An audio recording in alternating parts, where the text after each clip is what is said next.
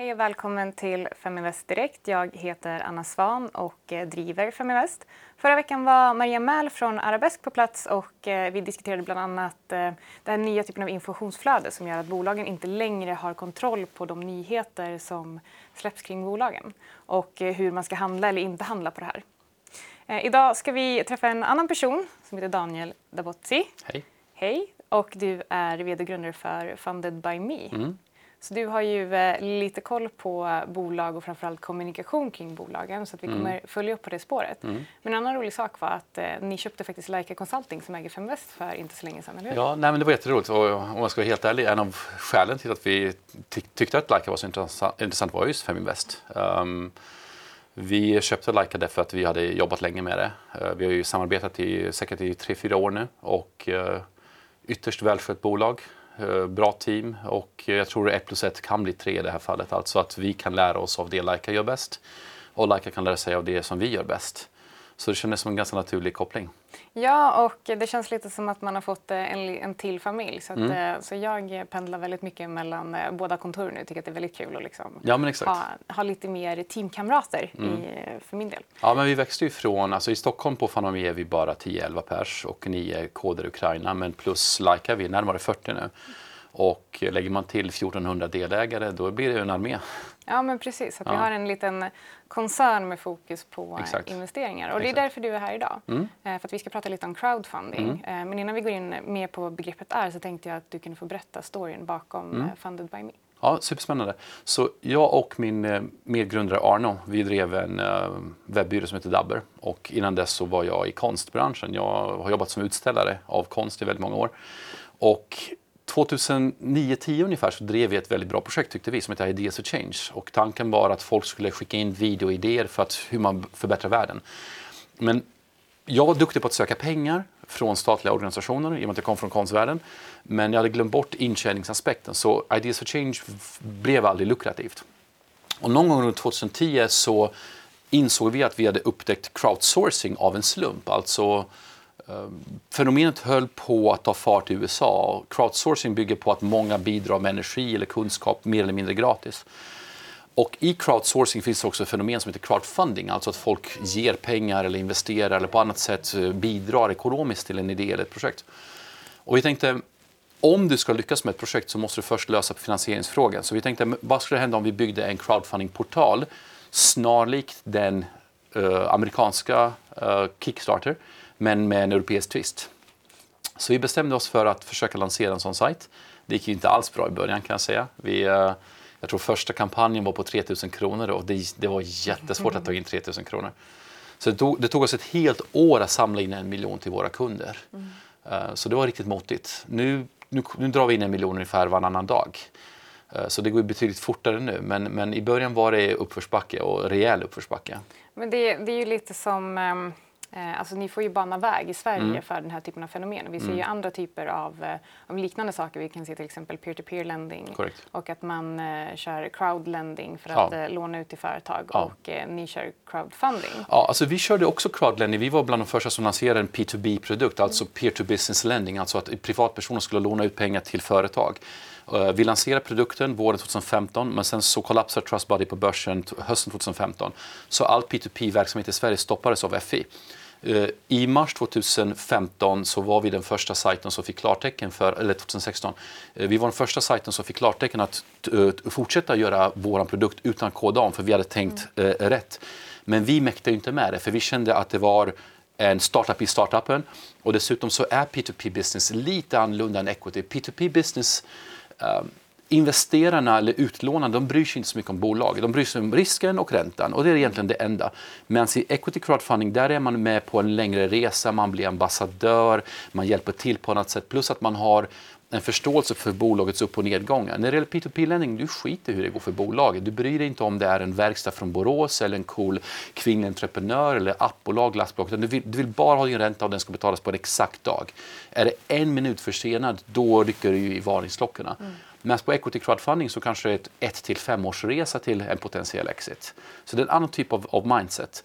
Eh, vi lyckas inte heller få en crossover uh, mellan de som ville låna ut pengar och de som ville investera. Investerarna de ville investera medan utlånarna ville låna ut. Så vi hade, jag tror vi hade en 1% överlappning av kundbaserna. Så vi, vi, vi valde att stoppa vår P2P-produkt. Mm. Jag tänkte att vi skulle koppla tillbaka lite till eh, Kickstarter. Mm. För eh, jag, eh, du har min, eh, min första bok som jag skrev tillsammans med Linnea. jag har inte fått den signerad ännu. Nej, jag ska signera den efter det här. Och ja. jag skriver också min andra bok nu som mm. kommer släppas i början på nästa år som mm. det jag egentligen skriver om nätverk. Och då mm. pratar jag väldigt mycket om, jag bygger den här boken på forskning. Det finns jättemycket forskning som visar på just när man bygger nätverksrelationer och gör affärer att man mm. gör affärer med personer som man tenderar att man känner till och tycker om. Mm. Och, men framför allt så finns det någonting som Adam Grant, han är psykolog och mm. professor och han delar upp personer i givers, takers och matchers. Och mm. Eh, du berättade en väldigt rolig historia om hur du hade gett Kickstarter någonting utan att eh, förvänta dig någonting tillbaka. Mm. Och eh, det tyckte jag var ett ypperligt bra exempel på, mm. på en giver. Vill du bara mm. dra den storyn? Ja, det kan jag göra. Så 2000 12 ungefär så var jag kontaktad av en kille som ägde Kickstarter.se. Mm. Och det, då visste jag att Kickstarter.se var till salu. Jag ville inte köpa det. Men sen några år senare så ryktades det om att Kickstarter skulle komma in i Sverige. Och det första jag gjorde var att jag kontaktade den här killen och sa jag tycker du ska sälja din domän till mig för med största sannolikhet kommer amerikanerna vilja köpa domänen och du kommer få en stämning på halsen. Så jag fick den för 15 000. Det var väldigt dyrt. Min styrelse tyckte det var lite märkligt att jag köpte den och många omkring tyckte att det var lite, men varför ska man ha det? Men samtidigt businessstrategiskt ganska klokt att äga sina konkurrenters domäner och flera människor har köpt våra domäner i försöka, för att försöka pressa oss på annat sätt. Och när Kickstarter väl kom in i Sverige då skrevs det i varenda tidning i Sverige att nu dör Fanduami, Kickstarter mm. kommer att mörda Fanduami. Men det har inte hänt och det kommer inte heller hända. Men däremot det jag gjorde var att jag eh, visste inte hur jag skulle välkomna Kickstarter till Sverige. För på något sätt så känner jag att all crowdfunding är bra för samhället och mm. flera bra aktörer hjälper till. Så vi bestämde oss för att skriva ett blogginlägg och säga välkommen till Kickstarter Sverige, äntligen är ni här. De var ungefär tre år försenade. Mm. Förresten, vi har en present till er. Så vi bestämde oss för att ge dem sin egna domän. Mm. Och först var det ingen som reagerade första dagarna. Men sen började det här spridas på Twitter och LinkedIn och sådär. Och till slut så nådde det eh, Kickstarters ledning och grundare. Och de kontaktade oss och sa, stämmer det verkligen att vi får vår domän? Vi bara, vad vill du ha för det? Jag bara, nej men det är gratis, det är en gåva. Och ändå visste de att jag hade köpt det för 15 000 så det är en ganska dyr gåva. Men då, vanligtvis brukar man ju pressa eh, konkurrenter och säga, här jag vill ha 150 000 eller jag kommer skicka porr till din sajt eller till den här domänen eller min sajt. Men vi gjorde inte det, utan vi gav den här domänen till dem. Och det hände inte så mycket mer. Men efter ett tag så fick vi uh, massa blogginlägg och Twitterinlägg där folk började praise oss för vår good business ethics. Och till slut så fick vi också uh, komma till New York och träffa Kickstarters ledning och grundare.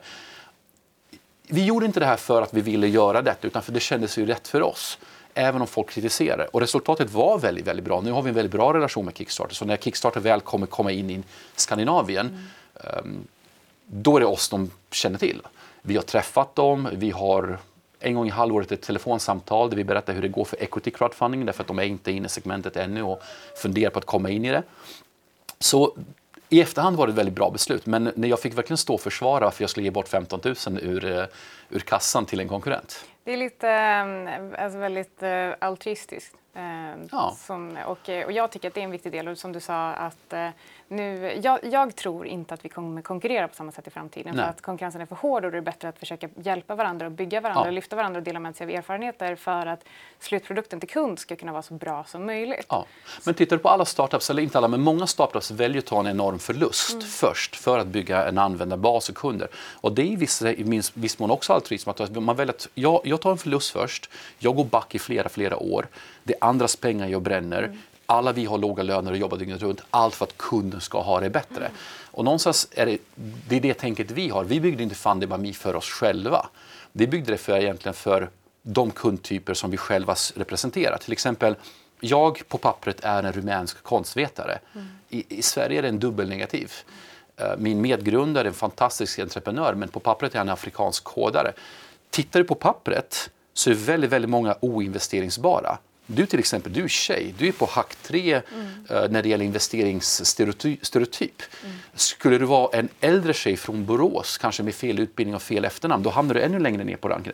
Och där har du tiotusentals människor som, icke, som är icke-stereotypa som vi försöker hjälpa med crowdfunding. Och omvänt, jag är inte miljonär, men vill jag, jag vill jättegärna vara affärsängel. Jag vill jättegärna investera i nästa Facebook, nästa Spotify, nästa Vad vet jag? Och då måste jag få access till dealflow och också få investera litet. Därför att jag kan inte gå in med 50 000, 100 000, kvarts miljoner varje case. Jag vill gå in med en tusenlapp, 10 000, 2 000 beroende på caset och sprida mina, mina risker. Och väldigt mycket av orsaken varför vi byggde Fandomi är i viss mån en, en, en viss typ av altruism där vi säger att vi måste hjälpa dessa två grupper för annars har de ingen um, korrelation, de träffas ju aldrig. Och då är tanken, hur får du 10 000 icke-stereotypa entreprenörer som är fantastiska att träffa 2,5 miljoner svenskar som skulle kunna vara deras affärsänglar? Mm. Jo, men det gör det via en, en, en sajt som våran.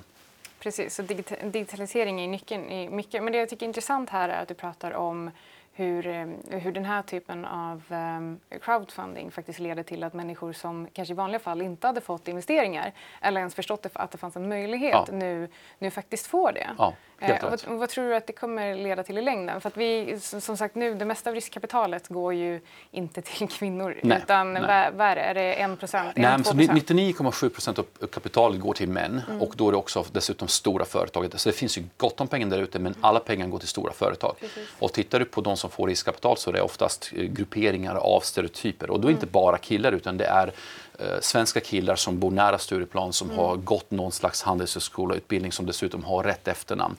Så det finns ju så här stereotyper som är helt absurda därför att framtidens bolag, framtidens bolag kommer byggas från tjejer från Jönköping eller en 40-årig gubbe från Penang. Precis. Eh, vi har ingen aning hur framtidens entreprenörskap kommer vara. Så oavsett vad man gör så kommer vi se andra typer av entreprenörer, andra typer av förebilder. Dessutom det som händer är att en helt ny grupp vaknar och inser att men vänta lite, här finns det ju en chans för mig att kliva in. Tittar du på Spotify, Spotify kämpar i två och ett halvt år för att få in riskkapital. Hade crowdfunding funnits då hade de åtminstone övervägt det. Det är inte säkert att de hade använt det, men de hade övervägt det. Eh, väldigt få människor som vet att Minecraft har crowdfundat och Minecraft Eh, gick ut på Flutter och sa “Guys, I, uh, I want you to try this game, uh, please donate microdonations”. Så 230 personer ungefär gav mikrodonationer till Marcus Persson um, som sen fick lite vind i seglen, lite självförtroende, lite pengar, men han fick liksom en knuff framåt.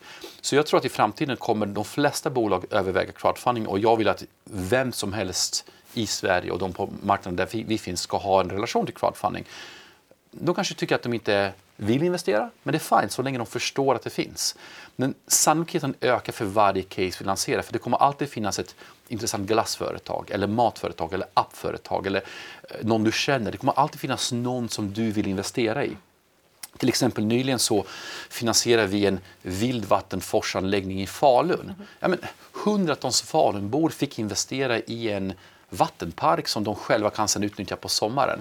I Stockholm hade vi Paradiset som drog in 5000 kunder som dessutom var redan köpare i Paradiset som helt plötsligt fick bli delägare.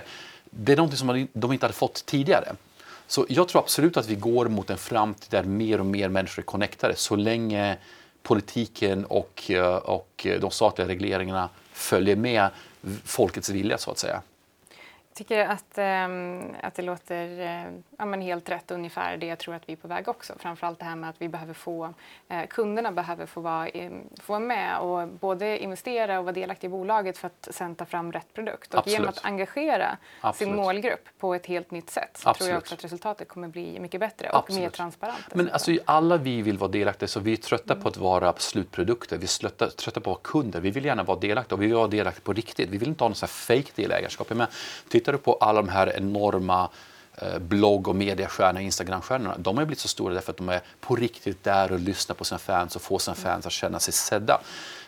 Företagare måste tänka på exakt samma sätt. Du kan inte bara lägga ut en post på Facebook utan du måste ta med de här människorna, dina fans och se till att du eh, stärker dem och får med dig i beslutsprocesserna. Se till att de här människorna som vill vara ambassadörer de facto blir ambassadörer. Eh, ta till exempel Fundabami. Vi har 1400 egna delägare som har investerat i Fundabami. Det är människor som har valt att amen, jag ger dig pengar istället för att köpa en ny bil. Eller jag ger dig pengar för att jobba istället för att åka till New York. Och det är allt från Finlands premiärminister till Micke i receptionen. Eh, hade jag bara tagit de här människornas pengar och bara lagt upp lite information till dem titt som tätt hade de tröttnat på mig. Men nu istället så försöker jag mobilisera dem till en armé och säga guys, nu måste ni göra saker och ting. Se till att ni Eh, gör detta. Eller om jag behöver en, en öppnad dörr, då ber jag om hjälp. Och jag tror, jag tror framtiden kommer vara en helt ny generation som ser detta som naturligt medan nuvarande företagsledare kanske ser det som en utmaning mer. Men, men, men om, om, några år bara så tror jag att det här kommer att ligga, ligga i våra DNA. Det är klart det är så vi bygger företag för det är mycket effektivare. Det är mycket trevligare dessutom. Jag tror ju verkligen att kapital är sättet vi behöver använda för att kunna förändra världen. Mm. Och eh, den här typen av crowdfunding som möjliggör för den vanliga människan mm. att investera i startups gör också att man faktiskt på sikt skulle kunna eh, utjämna vissa klyftor genom att göra det mer tillgängligt för alla. Absolut. Så ju mer tillgängligt olika typer av investeringar är, desto bättre är det för alla. Och framförallt också då för entreprenörerna eftersom att då de flesta som får investeringar är män. Mm. Ni har ju faktiskt ganska många kvinnor som mm. Eh, söker eh, kapital via Absolut, så vår success rate är väldigt hög. Så de kvinnor som söker till oss, nästan alla når 100% mer eller mindre omedelbart. Utmaningen som vi alla har är att det är för få kvinnor som söker till oss. Jag tror hittills i år har vi stängt 20 case och 15 procent av dem är tjejer. Mm. Däremot tittar du på användarbasen, 46 procent av de som investerar pengar är kvinnor. Så det är ganska häftigt, det är jag jättestolt över. Um, det, det, där är någonting som, jag menar, tittar du på samhället i sig, bara Sverige, där har du 56 procent kvinnor. Så i, i teorin, eller, eh, teorin och verkligheten borde vara så att 56 procent av investerarna borde vara kvinnor. Mm. Men det som är intressant, det som vi pratar om just nu är ju value from investment, de här mjuka värdena. Glöm, glöm inte bort när folk börjar tjäna pengar. Mm. Eh, när de ser att men vänta lite nu, jag investerade i det här bolaget tidigt, det var jätteångestladdat under en period, men sen så börsnoteras bolaget eller det mm. köptes upp av någon annan och man börjar tjäna pengar. Det som händer då sannolikt är att man tar de pengarna och ominvesterar dem i startups. Uh, titta nu på Fandomami till exempel, vi har 1400 delägare drygt, lite plus än så. När vi uh, noteras inom snar framtid, dessa människor kommer att tjäna pengar. Mm. Jag tror att många av dem kommer att ta sin vinst och ominvesterare i startups. Det jag hoppas i alla fall. Det är nog väldigt få som kommer köpa eh, någon bil eller uh, något annat. Mm. Sannolikt är att de köper andra aktier. Hej Bovis! Eh, ja, nej, men precis. Så, um, vi har en, en liten hund i studion som mm. ni ska få träffa sen också. Uh, kanske skulle ta upp dig redan nu, för att du blir tyst. Så, så sitt. Ja. Jag törstig, det är så varmt där inne. Det är det och den här tjocka pälsen. Vi kan göra så. Det är årets varmaste dag och sen har vi en stackars hund med tjock päls här. det har ju riktats en del kritik mot crowdfunding och eh, för att folk tycker att det, men det är svårt att analysera, det är, det är små illikvida bolag, det är svårt att ta sig ur dem. Mm. Eh, och vi har ju till exempel Barista som ett, eh, som ett exempel på mm. när de tog in pengar via Pepin så gick i mm. konkurs mm. ganska snart efter det här. Mm. Och och då är min fråga egentligen, för att det är klart att bolagen kan gå i konkurs, mm. men hur ska man tänka kring analysen av bolagen och vad hur, hur gör ni till exempel när ni mm. väljer ett bolag som kommer till er? Säger mm. ni nej till vissa case? Vi säger nej till jättemycket. Så vår sajt är den största filtreraren. För om, om, om bolaget inte uppfyller våra grundkriterier då får de inte ens prata med Sen har vi team som granskar, vi tittar på entreprenörerna, så har vi också flaggningssystem så folk flaggar om de hittar uh, saker som är osanna, felaktiga eller entreprenörer som har shady bakgrund. Så vi har tiotusentals människor som granskar våra cases. Uh, men som du säger, bolag går omkull, omkull ibland.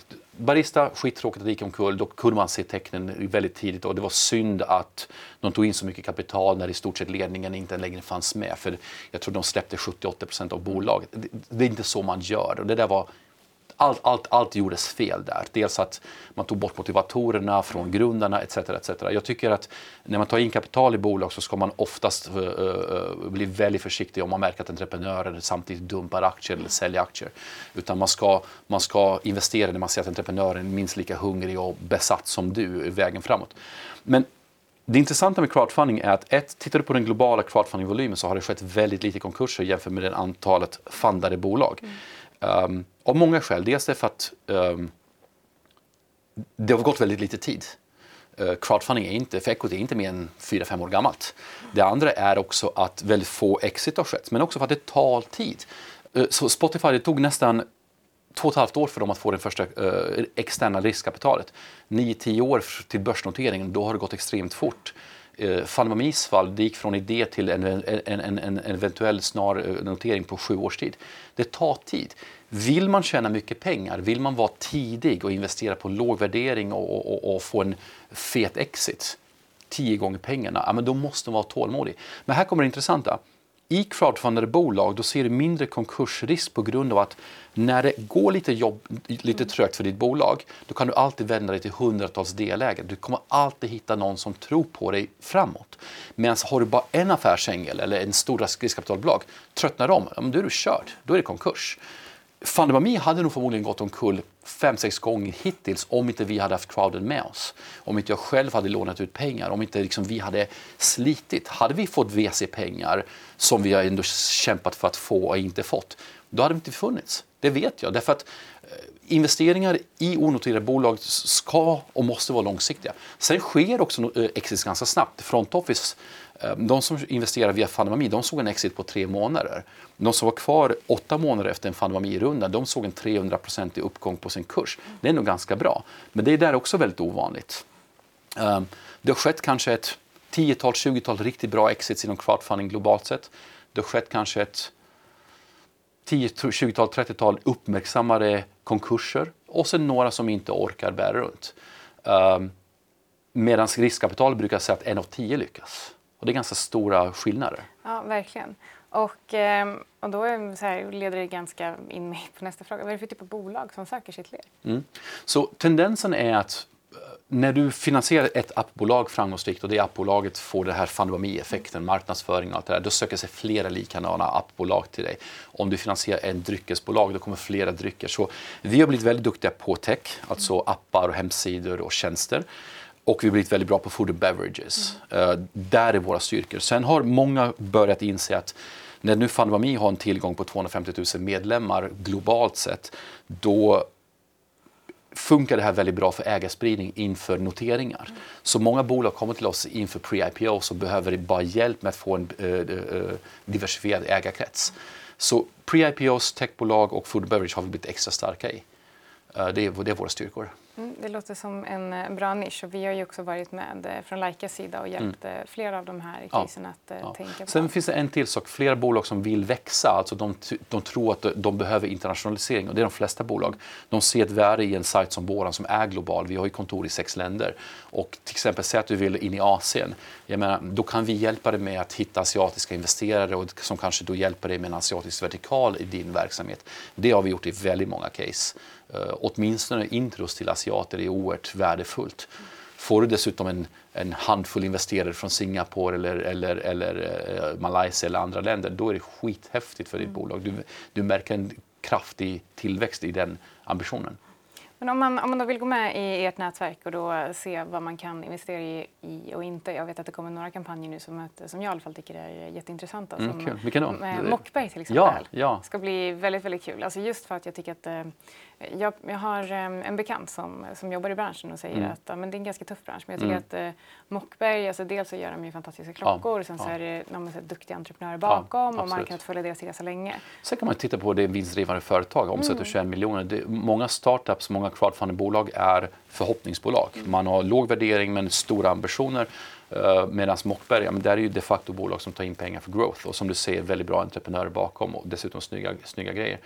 Men um, vi, vi uh, har en väldigt, väldigt bra volym just nu. Vi, vi identifierar redan hösten 2016 att det börjar kallna där ute på marknaden. Vi märker att affärsänglar och VCs inte längre investerar i startups. Så vi, vi har sett ett enormt inflöde. Uh, det har aldrig gått så bra som nu för uh, oss och crowdfunding i Sverige. Så tiden har uh, hunnit ifatt oss lite grann och det är jättehäftigt att se. Och eh, om man vill följa er, var hittar man er då?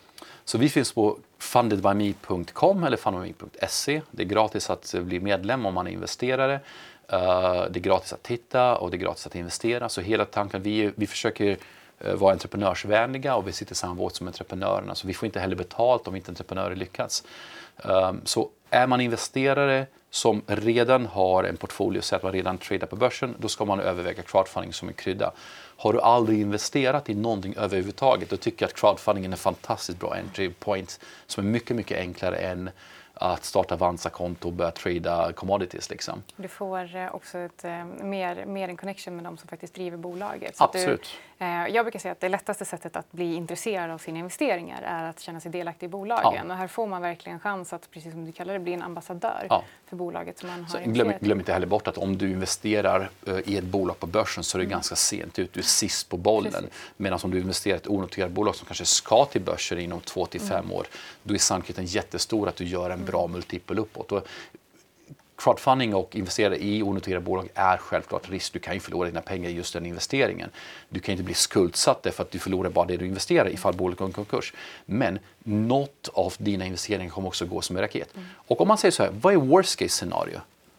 I ett bolag som du investerar Säg om du hade investerat i um, det här vildvattenparken i mm. Falun. Mm. Vad är worst case scenario? Jo, att du förlorar dina pengar vid en mm. konkurs. Men du har skapat jobb i Falun, du har skapat dynamik, du har lärt dig någonting, du har boostat en entreprenör. Så om det är worst case scenario, ja, men då välkomnar jag den revolutionen. Mm. Ja, men det, är, en annan typ av värdeskapande som ser nu. Absolut. Och, eh, Absolut. och vi ser också om man ska dra en parallell till hållbarhet. Så, eh, tidigare jag pratar väldigt mycket om hållbara investeringar eh, för att jag är intresserad av eh, resultat. Mm. Plus att vad ska jag med mitt resultat och min avkastning till om vi liksom inte har en planet att bo på i framtiden? Korrekt. Så det, väl, det, väldigt, det går väldigt mycket hand i hand för mig. Och det finns också jättemycket studier som visar på att hållbara investeringar faktiskt leder till högre riskjusterad avkastning. Ja.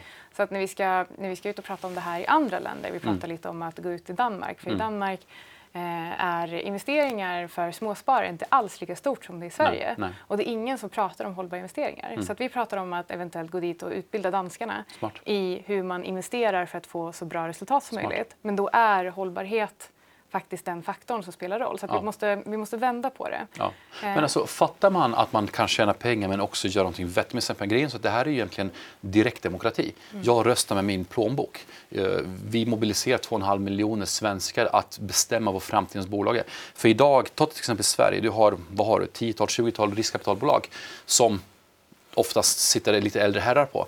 De bestämmer vad nästa Facebook är. De bestämmer vad nästa stora succé är.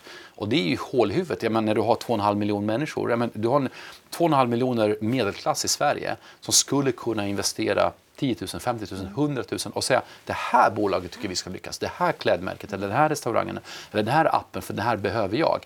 Och då kommer vi se andra typer av bolag. Och jag, jag, jag, jag hävdar starkt och bestämt att nästa Facebook, nästa Google kommer inte komma från Silicon Valley, det kommer inte komma från Stureplan. Det kommer komma från Jönköping, eller Penang eller Skopje eller någon sån här udda ort. Och dessutom kommer vi inte heller se att entreprenörer behöver flytta på sig längre. Ehm, du kan sitta i en källare i Borås och de facto bygga nästa stora världssuccé, för det kan du. Och, och där ser vi till exempel Minecraft. Minecraft är en sån udda succé som lyckades tack vare besatt person och för att kunderna ville ha det. Men också för att kunderna kände sig delaktiga. För en av Minecrafts succéer var att han gick ut med en väldigt ofärdig produkt och sa Engagera er. Ja. Vad vill ni ha? Hur ska det, vart ska det här? Vad tycker ni? Mm. Medan alla andra brukar fila i fem år på att lansera en produkt som marknaden inte vill ha. Dropbox gjorde ju en väldigt rolig grej på tal om det här. Eh, innan de lanserade sin produkt mm. så gick de ut med en film och så sa de det här är Dropbox, det här gör vi. Mm. Eh, och då sa folk nej men kan ni inte göra så här istället? Och då mm. släppte de en ny film och så sa de det här är Dropbox, det här gör vi. Sen ändrade de den här filmen på Kul. vad funktionerna var tills eh, målgruppen eller liksom crowden var nöjd. Och då byggde nice. de Dropbox nice. efter nice. det. Eh, och det, det, går väldigt mycket hand i hand med att eh, man faktiskt måste låta sin målgrupp vara med och bestämma. Absolut. För det största misstaget du kan göra är att sitta och bygga på en idé i fem år och tro själv att den är jättebra Absolut. och sen så får du inget mottagande. Absolut. Det, där kan vi snacka att, man, att det är mycket risk liksom, i att inte engagera andra. Och tittar du till exempel på Elon Musk och Tesla, som typ, om en användare twittrar om någonting som de facto är smartare, men du kan du se den uppdateringen om ett par veckor i bilen. Mm. Medan säg att din BMW inte mm gör någonting som du tycker den borde göra, vem kontaktar du? Mm. Vem, var börjar du? Liksom? Så, mm. Bra, smarta bolag bör jobba engagerat. Mm. Uh, och tittar man nu på Facebook och deras enorma problem, det är för att de är där borta, mm. de är jätteanonyma, du vet inte hur man får tag på dem. Nej. Och då blir det så att ja, till slut så tröttnar du så går du vidare till nästa tjänst som känns mer du, som respekterar dig som användare. Och man ska inte glömma bort att vi har ju som användare passiviserats väldigt mycket under de senaste 200-300 åren. Kapitalet har tjänat på att vi håller käften. De har tjänat på att vi stoppar in pengar på ett konto och låter det rida så att andra kan tjäna pengar på oss. De har skrämt oss till tystnad. Så det finns ju ett värde i att vi tar tillbaka kontrollen och säger det här är min ekonomi. Jag stoppar det här och här och här därför att jag vill se de här sakerna realiseras. Jag är beredd att ta lite risk i det här bolaget därför att jag vill bara se dem lyckas. Vi har sett investerare som investerar pengar i någonting. Ibland tänker de så här, jag kommer säkert förlora mer pengar men jag vill, jag vill ge de här personerna en chans. Um, det är ganska häftigt. Mm. Och tittar man på till exempel på de som trodde på Fundamami till slut, för i början var det väldigt knepigt att, eh, och svårt att få folk att tro på oss, men de som, de som till slut valde att ge oss pengar istället för att göra någonting annat, de har trott på mig och min medgrundare, vårt team och sagt ni ska få en chans att lyckas och vi har försökt förvalta det så in i bängen därför att vi har inte råd att misslyckas. Precis. Och eh, jag tycker också att det är kul att ni är en startup som hjälper startups att ja. Eh, resa kapital. Så att ni förstår ju också verkligen den resan de behöver göra. Och det är därför tror jag att också många kunder väljer oss. Om jag tittar på vår geografi där vi verkar, vi är störst och effektivast av, en, av egentligen en enkel orsak är att våra entreprenörer litar på oss på grund av att vi förstår vad de går igenom. Mm.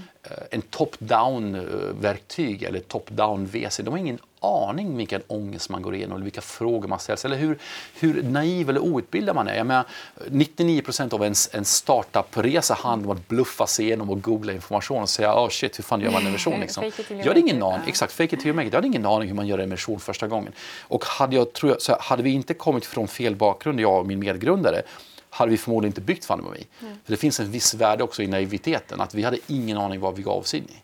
Sen sa jag så här, jag tackar slumpen eller Gud eller vad som än ledde oss hit. Men det var en jäkla massa slump som till slut gjorde att vi byggde den här sajten och vågade satsa på den. Mm. Ja, nej, verkligen. Och jag tror precis som du säger att den här naiviteten och eh, lärandeprocessen mm. är eh, man ska älska det som entreprenör. Jag vet ja. ju bara, eh, jag som skriver böcker utöver allt annat jag gör till mm. exempel, Eh, jag vet att det, det ska egentligen skrivandeprocess bör ta ett år. Ja. Men jag fick den här idén för den här i september och vi signade oktober och hade deadline 8 januari. Mm. Så att, eh, och eh, hade jag varit en, en person som inte var så naiv så ja. är det klart att jag hade bestämt mig för att det var helt omöjligt. Ja. Men nu är den här så att ja. Det, går. Jag tror att naiviteten är liksom... liksom exakt, ja, Men precis. Nej, men naivitet är egentligen, ta, ta Martin Lorentzon och Daniel Leker, men jag, jag tror nu, nu, nu gillar de fighten, men hade de förstått hur komplext det skulle vara, hur svårt det skulle vara, det är inte säkert att de hade vågat. Och, och, ta alla andra som riskar liksom sina hus och hem och pantsätter. nu, nu, nu är det så att vi bara läser om framgångssagorna. Tänk alla de som var naiva och satsade mm. allt och misslyckades för att de gav upp för tidigt eller inte fick kapital. Och oftast är det det som är problemet. Du, du får inte kapital därför att, ta till exempel en riskkapitalbolag, en VC. De ska träffa tusen bolag per år och investera i två, tre. Mm. De tusen de träffar är jätteduktiga. Att ens träffa en VC betyder att du är bra. Mm. Men de får inte investera i mer än två, tre stycken. Och du säger, hur gör med de här andra 997 stycken? Ja, men de är investeringsbara. Och det, det där staten, eh, marknaden, folket borde och kommer att kliva in. Och det är det vi ser framför oss just nu. Vi ser en typ, annan typ av allokering av makt och pengar. Ja, jag håller verkligen med. Det har varit eh, jättekul att ha dig med. Och, eh, ni kommer att få se mer av Daniel och Funded by Me i eh, Feminvest eftersom att vi nu går ihop som en mm. koncern. Ja, men det här blir nu jättekul tror jag. Ett plus ett blir verkligen tre i det här fallet. Så jag ser mycket fram emot det här. Jag med. Tack så jättemycket. Tack för att du fick komma.